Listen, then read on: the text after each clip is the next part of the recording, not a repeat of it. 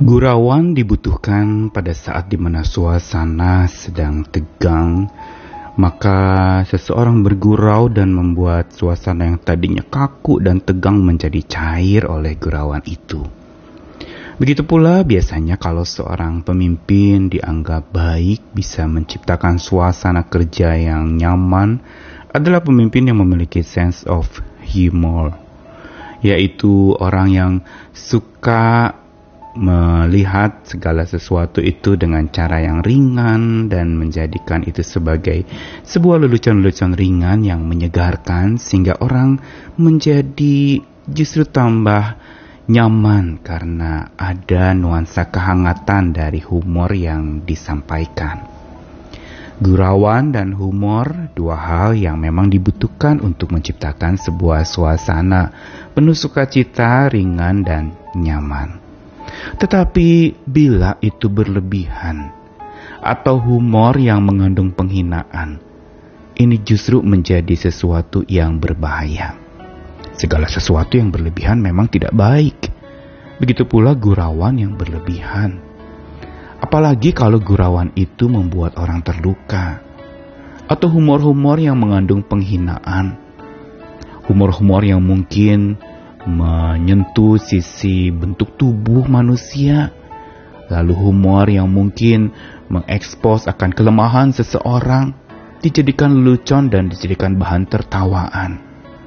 Jelas kedua hal ini, gurauan berlebihan dan humor yang mengandung penghinaan bertentangan dengan ajaran sabda Tuhan tentang cinta kasih.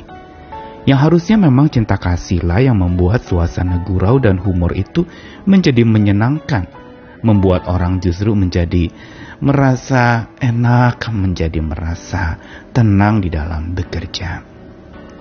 Tetapi kita harus ingat bahwa apa yang diingatkan oleh sabda Tuhan hari ini mau mengajar kita dan mengingatkan bahwa ada gurau-gurau yang bikin kacau, bikin galau hati. Dan juga ada humor-humor yang menyebabkan teror, yang melukai seseorang. Saya Nikolas Kurniawan menemani lagi di dalam Sabda Tuhan. Hari ini dari Amsal pasal 26 ayat yang ke-18 sampai 19 sebuah cuplikan tentang teguran dari perspektif hikmat Tuhan. Seperti orang gila menembakkan panah api, panah dan maut, demikianlah orang yang memperdaya sesamanya dan berkata, aku hanya bersenda gurau.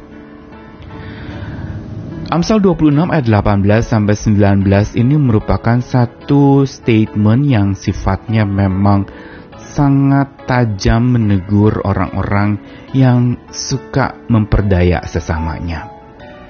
Yang suka melukai tetapi memang tidak dengan kata-kata yang kasar atau kata-kata yang menyakitkan atau kecaman atau kebencian, tapi justru dengan seloroh, dengan senda gurau. Dan ketika seseorang memperdaya sesamanya, dia dengan ringannya mengatakan, "Ah, hanya bercanda saja."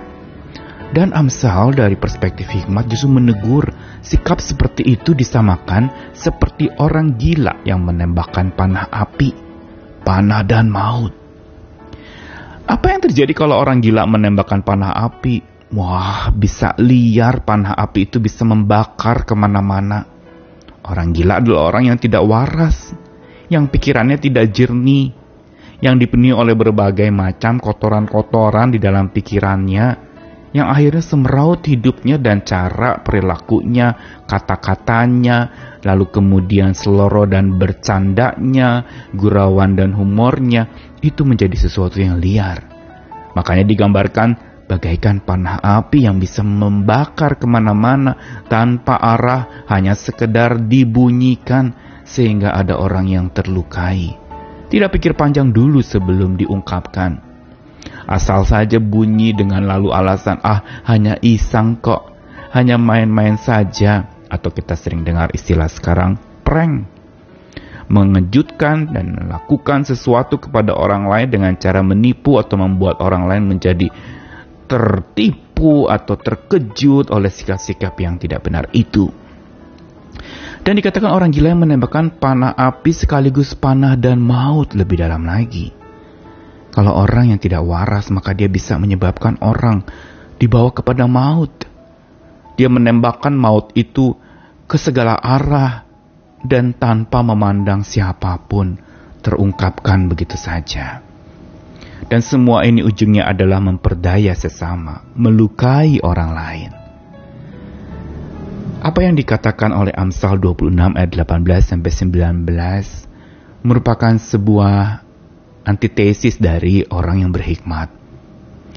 Karena orang yang berhikmat adalah orang yang berhati-hati dengan segala tindakannya. Dia tidak asal bicara, tidak ungkapkan omong kosong, atau tidak sekedar menyampaikan pelasetan-pelasetan yang tidak perlu.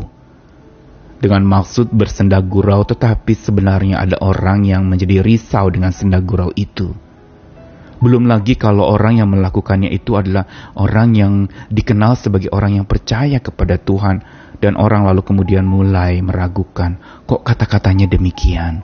Tidak jadi kesaksian bahkan jadi batu sandungan. Teguran hari ini mau mengingatkan kita untuk hidup dari hikmat Tuhan. Di dalam kita berelasi dengan sesama kita. Hati-hati dengan senda gurau kita.